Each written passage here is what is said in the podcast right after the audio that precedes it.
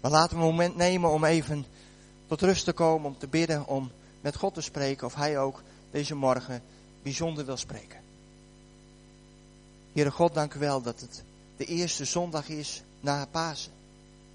Dat u leeft, dat u bent opgestaan, dat u opnieuw hebt laten zien dat u alle macht hebt in hemel en op aarde. En Heer, hier zijn wij als uw gemeente. Heer, we zijn u dankbaar dat we uw kinderen zijn.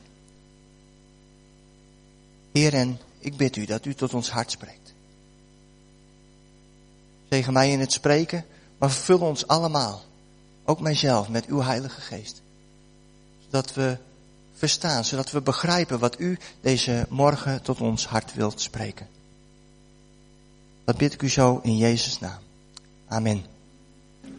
Vanmorgen wil ik graag met jullie nadenken over het koninkrijk van God doorgeven.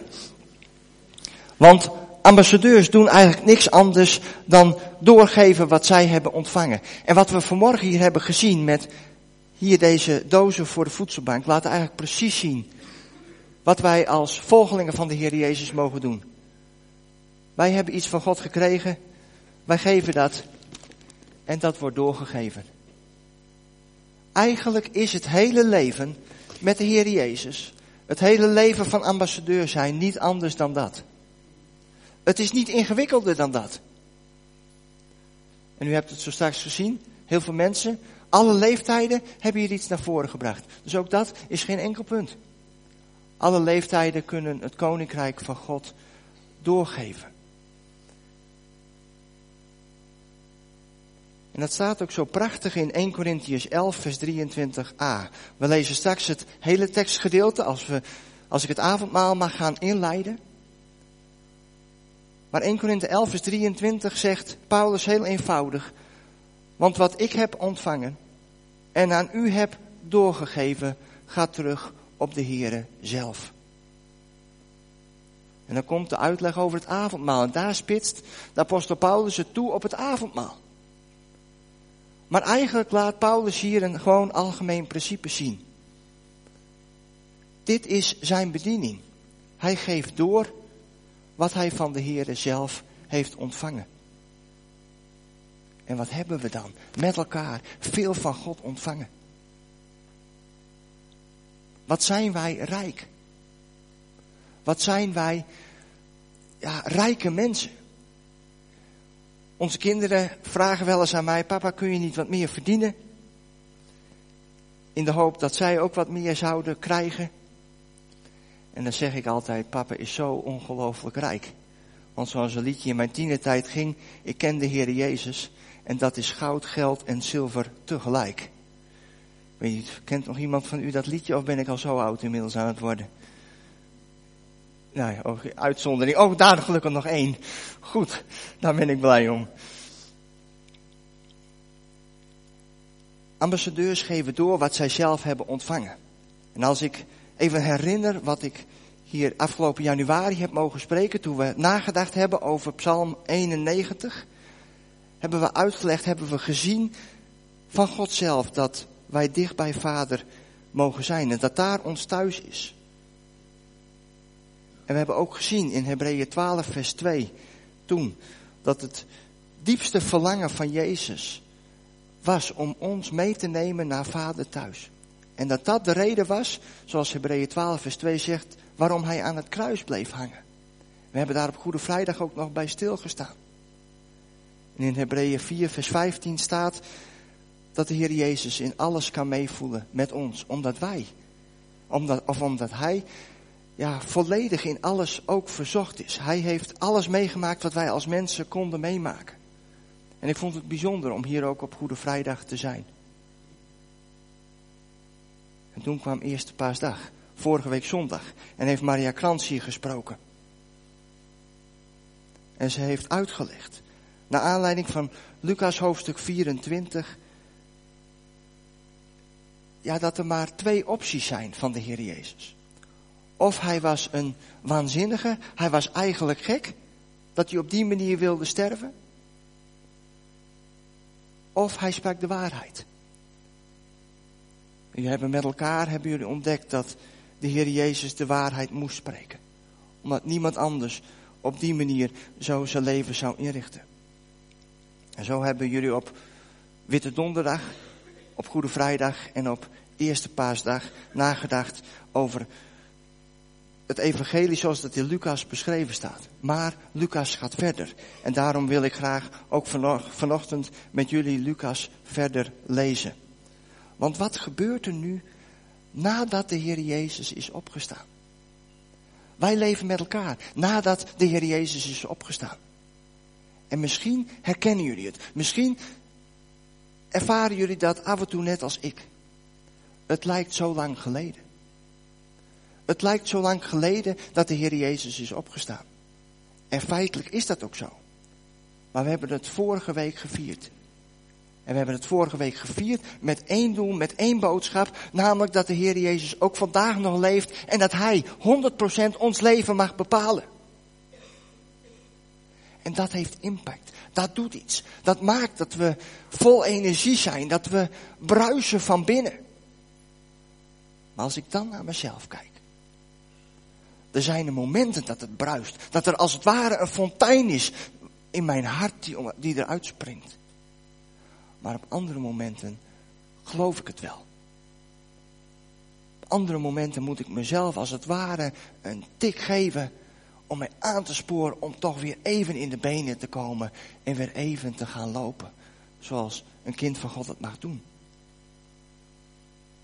En dan is het bijzonder om te lezen in Lucas hoofdstuk 24 hoe de Heer Jezus zich bekend maakt aan zijn discipelen. En dan lezen we met elkaar Lucas hoofdstuk 24, vers 36 tot en met 49. En ik wilde dat graag doen uit de nieuwe Bijbelvertaling. En we vallen hier midden in, ja, eerste paasdag. Of eigenlijk eerste paasavond. Want Jezus is morgens vroeg opgestaan. En hij laat zich dan zien aan de twee mannen, de twee discipelen die naar Emmaus gaan. En als hij zich heeft laten zien bij het eten, dan is hij plotseling weg en dan rennen die twee discipelen terug naar Jeruzalem. Om het aan de andere leerlingen te vertellen. En precies op dat moment begint vers 36. Terwijl ze nog aan het vertellen waren, die twee mannen uit Emmaus, kwam Jezus zelf in hun midden staan en zei, vrede zij met jullie. Verbijsterd en door angst overmand, meenden ze een geestverschijning te zien. Maar hij zei tegen hen, waarom zijn jullie zo ontzet? En waarom zijn jullie ten prooi aan twijfel? Kijk naar mijn handen, kijk naar mijn voeten. Ik ben het zelf. Raak me aan en kijk goed. Want een geest heeft geen vlees en beenderen zoals jullie zien dat ik heb. Daarna toonde hij hun zijn handen en zijn voeten. Omdat ze het van vreugde nog niet konden geloven en stom verbaasd waren, vroeg hij hun, hebben jullie hier iets te eten? En ze gaven hem een stuk geroosterde vis. Hij nam het aan en at het voor hun ogen op. En hij zei tegen hen, toen ik nog bij jullie was, heb ik tegen jullie gezegd dat alles wat in de wet van Mozes, bij de profeten en in de psalmen over mij geschreven staat, in vervulling moest gaan. Daarop maakte hij hun verstand ontvankelijk voor het begrijpen van de schriften. En hij zei tegen hen, er staat geschreven dat de Messias zal lijden en sterven. Maar dat hij op de derde dag zal opstaan uit de dood. En dat in zijn naam alle volkeren opgeroepen zullen worden om tot inkeer te komen. Opdat hun zonden worden vergeven.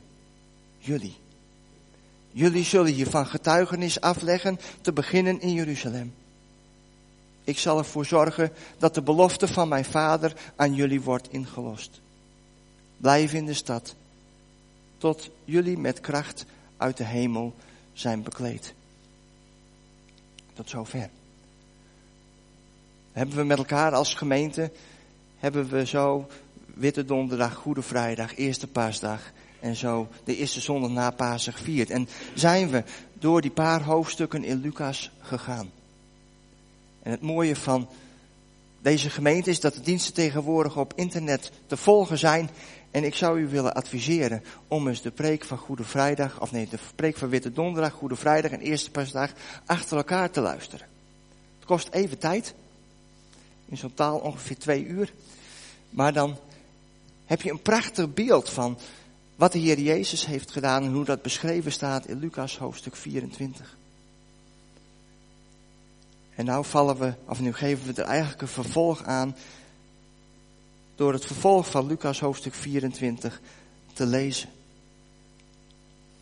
En in deze tekst, die we met elkaar hebben gelezen, krijgen we bijzondere inzichten over het koninkrijk doorgeven. Kijk nog maar eens mee naar vers 36.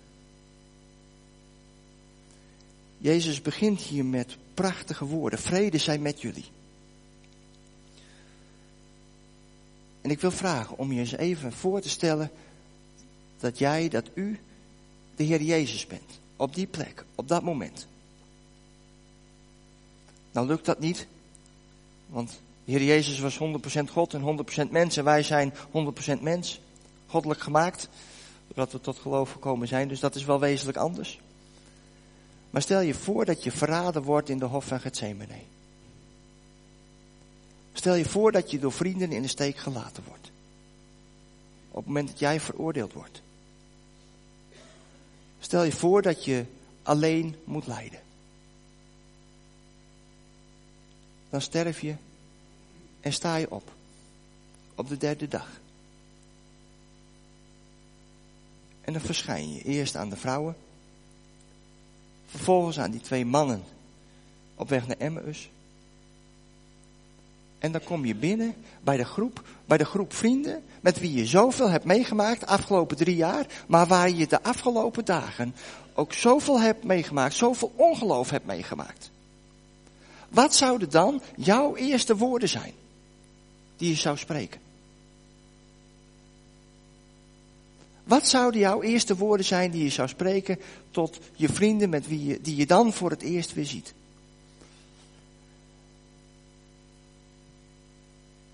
Zou het zo leuk zijn om even door de zaal te gaan? Om even te horen wat u zou zeggen? Maar de vraag is, wie van jullie zou dezelfde woorden als de Heer Jezus zeggen? Vrede zijn met jullie. Ik niet. Ik niet. Ik zeker, 100% zeker niet. Maar dat komt omdat ik ook geen God ben. Ik ben de Heer Jezus niet. Maar je ziet dat de Heer Jezus hier iets heel bijzonders doet. Er is geen veroordeling na het verraden. Er is geen verwijt voor het weglopen. Er is geen negativiteit dat de discipelen niet voor hem opkwamen. Jezus reageert vanuit de hemel. Jezus reageert op een goddelijke manier. Hij reageert wat hij van zijn vader heeft ontvangen. En dat geeft hij door. Hij wist dat hij 100% in de wil van zijn vader stond. Toen hij moest lijden en toen hij moest sterven. Hij wist dat daarmee alle schuld was weggedaan van de wereld. Alle grote schuld, maar ook de individuele schuld voor jou en mij. Hij wist dat het was weggedaan. Hij wist dat er vrijheid was. Hij wist dat er dus ook vergeving was voor dat verraad. Vergeving was voor dat weglopen. En eigenlijk had de Heer Jezus het zijn discipel al gegeven, omdat hij het zelf van God had ontvangen.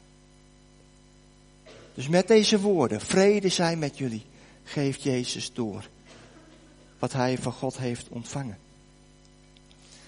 Daarmee overtuigt hij zijn discipelen. Hij overtuigt de discipelen door hun op hun wil aan te spreken. Jullie zien op het plaatje een locomotief met, nou, in, dit geval jullie zien één wagon, maar er staat nog één achteraan. Maar wat Jezus hier doet, is dat hij eigenlijk als het ware de locomotief van ons leven, namelijk de wil, aanspreekt. Hij komt binnen, hij is daar en niemand kan er omheen. Ook al zou je het willen, ook al zou je het met je verstand willen beredeneren, je kunt er niet omheen, want hij is er. En hij is daar met die woorden, vrede zij met jullie. En de Heer Jezus overtuigt hen. Maar dan gaat de tekst verder. En we lezen vanaf vers 39. Want Jezus ziet namelijk die verbazing. Op het moment dat hij zo plotseling in hun midden staat, ziet hij die verbazing. Maar dan gaat hij verder. Kijk naar mijn handen, kijk naar mijn voeten. Ik ben het zelf, raak me aan, kijk goed, zegt hij. Met andere woorden, daar waar je je ogen als het ware niet kunt geloven. Vraagt de Heer Jezus, nou, raak mij dan maar aan. En bij Thomas zegt hij, steek je vingers maar in die gaten in mijn handen. En zo overtuigt de Heer Jezus dat Hij het echt is.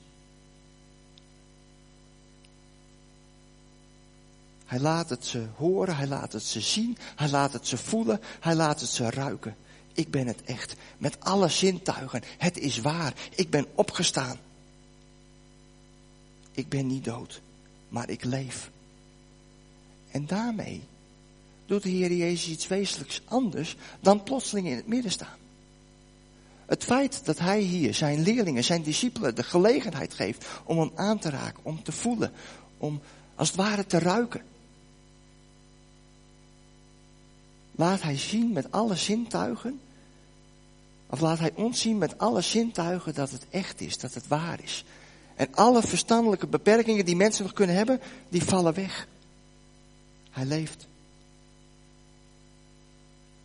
Maar dan heb je het gezien met je ogen. Dan heb je het met alle zintuigen geproefd. En dan kun je er niet omheen. Jezus is echt opgestaan. Maar dan doet Jezus nog iets anders. In vers 44 zegt hij. Ik heb toch alles uitgelegd. Ik heb jullie het allemaal verteld.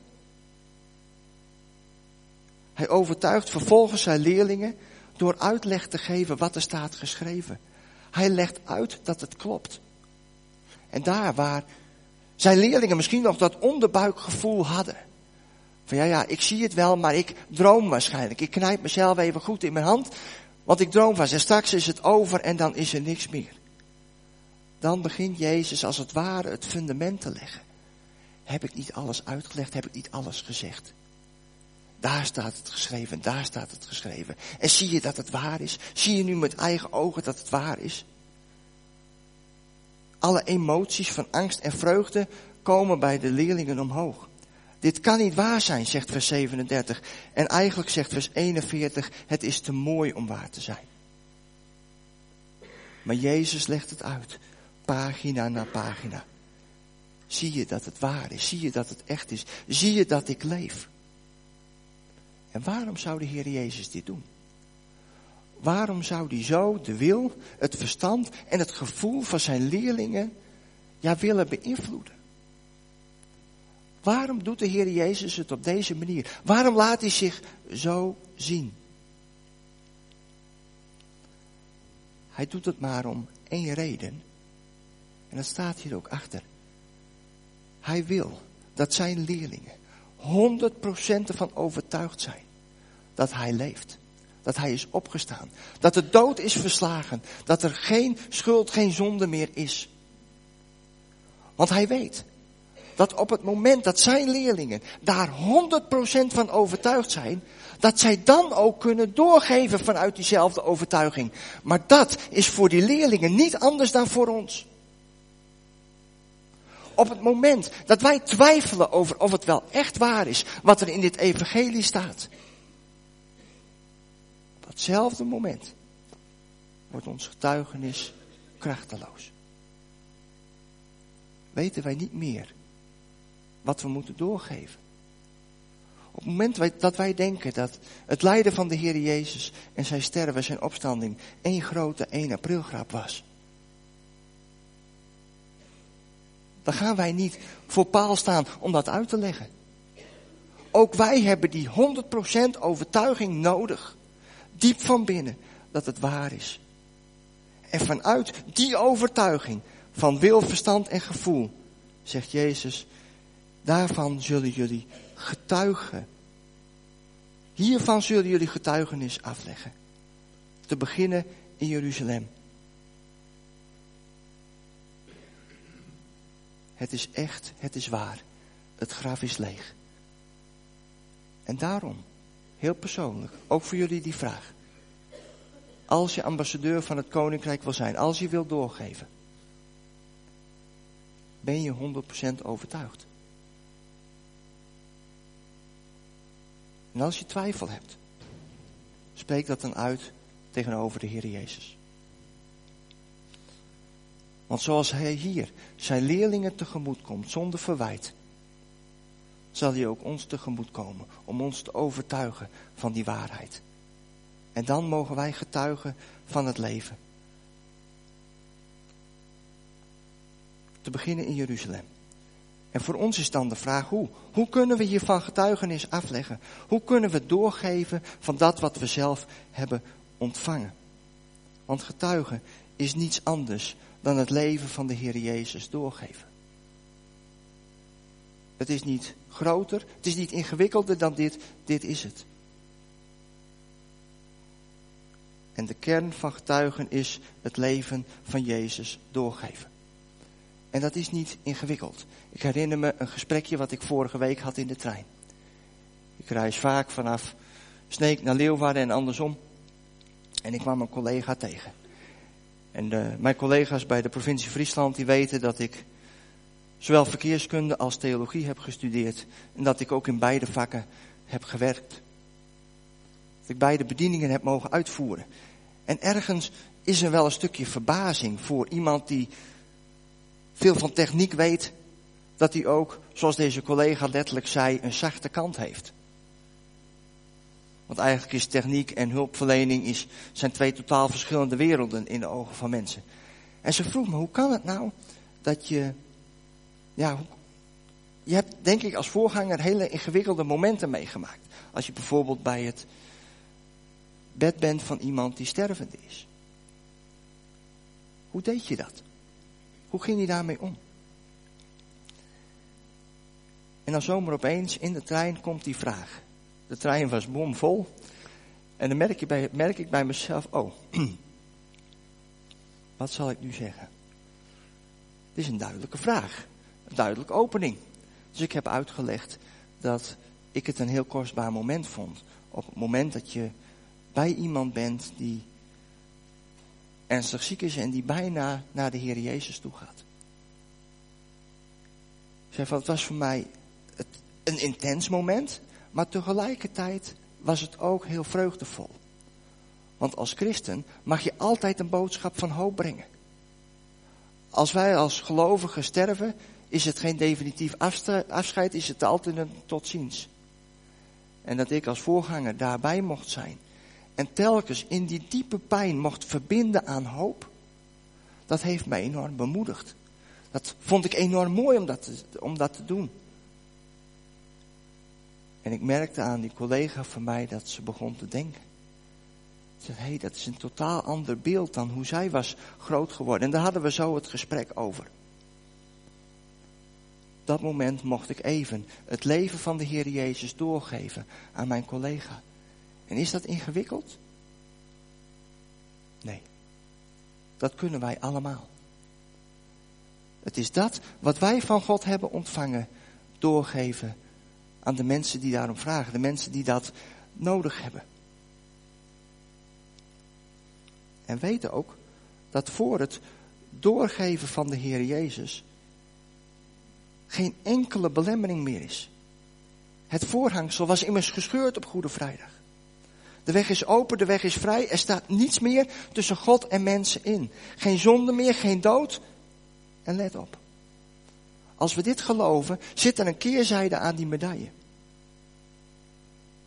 Want als wij dus een belemmering ervaren, komt die dus niet bij God vandaan. Die belemmering komt dan uit onszelf, uit onze opvoeding, uit dat wij misschien bang zijn wat anderen van ons vinden. De belemmering komt dus voort uit onze omgeving of onze achtergrond. En dat is tegelijkertijd mooi. Want op het moment dat het daar vandaan komt, kun je er ook iets mee. Kun je het oplossen? Kun je daar met God over spreken? Kun je er misschien met een broer of zus over spreken? En dan ontstaat er vrijheid.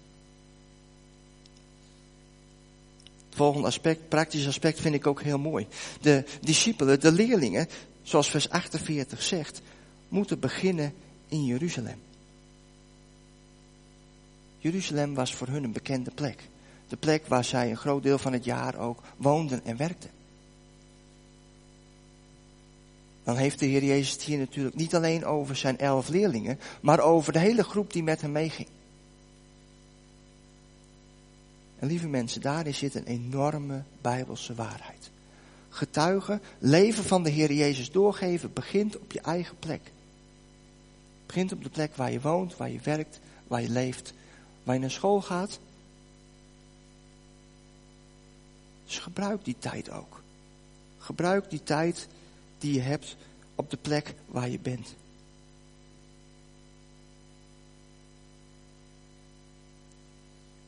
En dan wil ik nog een paar praktische tips geven.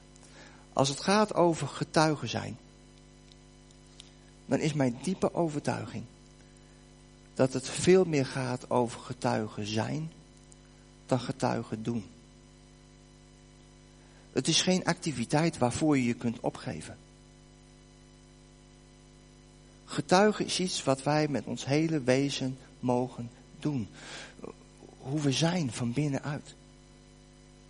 En ik herinner me het gesprekje op Witte Donderdag, zo met een paar andere collega's.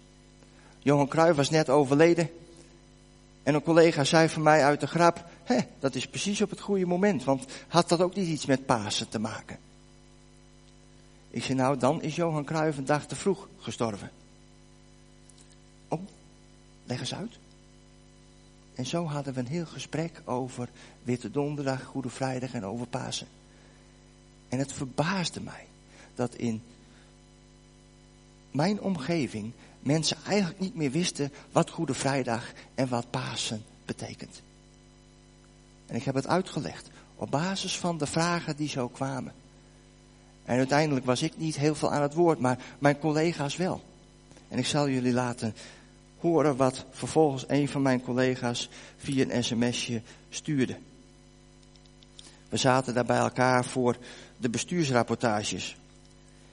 En hij schrijft dan, de Beraps kwamen niet helemaal tot zijn recht. Maar Siets, dat is mijn collega, heeft er blijkbaar wel vertrouwen in. Maar ik vond ons onverwachte gesprek erg bijzonder. Weer veel geleerd. En bedankt Martijn voor je openhartigheid. Hoewel onze achtergronden sterk verschillen, heb ik veel respect voor de wijze waarop je met mensen omgaat. Goeie paasdagen. Dat was wat een collega die werkelijk nergens aan doet, mij liet weten. En ik vond het bijzonder dat God mij op dat moment even wilde gebruiken om zijn leven door te geven. En dan denkt u misschien, dat is onmogelijk. Dat is onmogelijk voor mij. Ik ben geen leerling. Ik heb geen drie jaar met de Heer Jezus opgetrokken zoals zij. Maar mag ik u dan het volgende meegeven? De discipelen werden in drie dagen van verrader en wegloper een kind van de belofte. Zoals vers 49 zegt. Ik zal ervoor zorgen dat de belofte van mijn vader aan jullie wordt ingelost. Blijf in de stad tot jullie met kracht uit de hemel zijn bekleed. Met andere woorden, deze leerlingen die daar Jezus verraden hadden, die waren weggelopen. Die eerst angstig waren bij zijn eerste verschijning en daarna het te mooi vonden om waar te zijn. Aan deze leerlingen geeft de Heer Jezus die belofte van de Heilige Geest. Zij werden van verrader een kind van de belofte. En als dat voor hun geldt, zeker dan ook niet voor ons. En nogmaals, het leven van Jezus doorgeven is meer zijn dan doen. Maar doorgeven is geven van wat je zelf hebt gekregen. En ik keer terug hier naar deze dozen. Degene die dit heeft gegeven, had dat niet kunnen geven als je het niet eerst zelf had ontvangen, niet eerst zelf had gekocht. En zo werkt het ook geestelijk gezien. Je geeft door wat je van God hebt gekregen. En laat dan ook heel duidelijk zijn dat God niet van je vraagt om iets te geven wat je niet hebt. God gebruikt jouw kennis, jouw talenten, jouw vaardigheden, jouw geestelijke gaven. Want je kunt niet geven wat je eerst niet zelf hebt ontvangen. Maar dan ontstaat er iets moois. Want op het moment dat jij gaat geven, heb je ook zelf weer nodig. En op het moment dat je weer gaat geven, heb je weer nodig. En dan ontstaat een soort doorstroming. Want als wij gaan geven, ontstaat er ook direct dat honger naar God om te geven. En om meer te willen weten, om meer vaardigheden te ontwikkelen, zodat Hij kan blijven geven. En dat is ook wat je Jezus ziet doen. Los van de omstandigheden is Hij aangesloten bij de bron van zijn Vader. En met open handen ontvangt Hij van zijn Vader en geeft dat door aan zijn leerlingen. En in wezen is voor ons precies hetzelfde. Wij mogen met één hand naar die hemel staan. Rijkhalsend naar alles wat God ons wil geven. Maar tegelijkertijd niet voor onszelf, maar om het door te geven aan de mensen die dat zo nodig hebben. Beste mensen, Jezus leven doorgeven, dat is onze bestemming. En vanuit de hemel naar ons toe zijn er geen belemmeringen. Net zoals er geen belemmeringen waren hier in hoofdstuk 24 voor de leerlingen. Er is geen schuld meer, er is geen dood meer. Er is volledige vrijheid. Maar als je belemmeringen ervaart, richt je dan op Jezus. Kijk naar Hem. En dat is ook wat we zo gaan doen als we het avondmaal gaan vieren. Als we het avondmaal vieren, kijken we naar Hem. Laten we ons opnieuw vullen vanuit de hemel. Ontvangen we alles wat hemels is voor ons leven. Niet om dat te houden, maar om dat door te geven aan de mensen om ons heen. Zullen we een moment bidden als afronding van deze toespraak en tegelijkertijd als inleiding voor het vieren van het avondmaal. Heere God, Vader in de hemel. Dank u wel dat u uw woorden aan ons hebt meegegeven, doordat we in uw Bijbel kunnen lezen. Heer, het is zo onvoorstelbaar rijk wat u heeft verteld. En het is ook bijzonder voor ons om deze morgen de lessen van uw koninkrijk te leren. Heer, en ik bid u dat zoals we hier zijn, dat we allemaal doorgevers van dat koninkrijk mogen zijn. Heer, en daarvoor is het nodig dat u ons rijk geeft, dat u ons rijk zegent. Met alle waarheid, met alle zegeningen uit de hemel. En Heer, dan weet ik, ook in mijn eigen leven, zodat er zoveel belemmeringen kunnen zijn. Belemmeringen van angst, van schaamte. Belemmeringen door zonde. Belemmeringen doordat we onszelf niet accepteren zoals we zijn. Dat we zo graag beter willen zijn dan hoe we ons gedragen. En Heere God, dat spijt ons. Daarvoor vragen we u vergeving.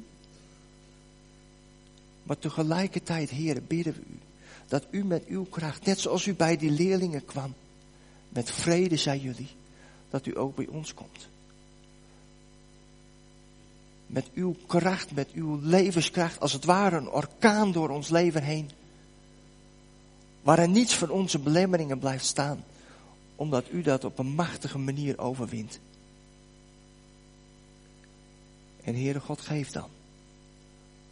Dat we van die zegen die we van u ontvangen, dat we dat dan niet voor onszelf houden, maar dat we dat doorgeven aan de mensen om ons heen. Op de plek waar u ons stelt, de plek voor de leerlingen was Jeruzalem. Maar voor ons is dat hier eh, de plek, hier in Drachten, in Ureterp, in onze omgeving. En zegen ons daarbij hoofd voor hoofd. En geef ook, heren, dat als we in situaties komen waarin we uw leven kunnen uitdelen, dat we het niet zullen nalaten, maar dat we het zullen doen. Dat we uw woorden zullen spreken. Uw woorden van hoop, uw woorden van bevrijding, uw woorden van vergeving, uw woorden van leven. En hiervoor, heren, daarom danken we u ook in het bijzonder voor het avondmaal wat we zo gaan vieren. Heer, u hebt de hemel leeggegeven. Zodat wij vol konden zijn van u. En dank u wel dat we dat met het avondmaal opnieuw mogen vieren. Dat u gestorven bent, dat u leeft. En dat daardoor, Heer, ook voor ons volledig leven mogelijk is. Zegen ons daarom hoofd voor hoofd ook als we het avondmaal vieren. In Jezus' naam. Amen.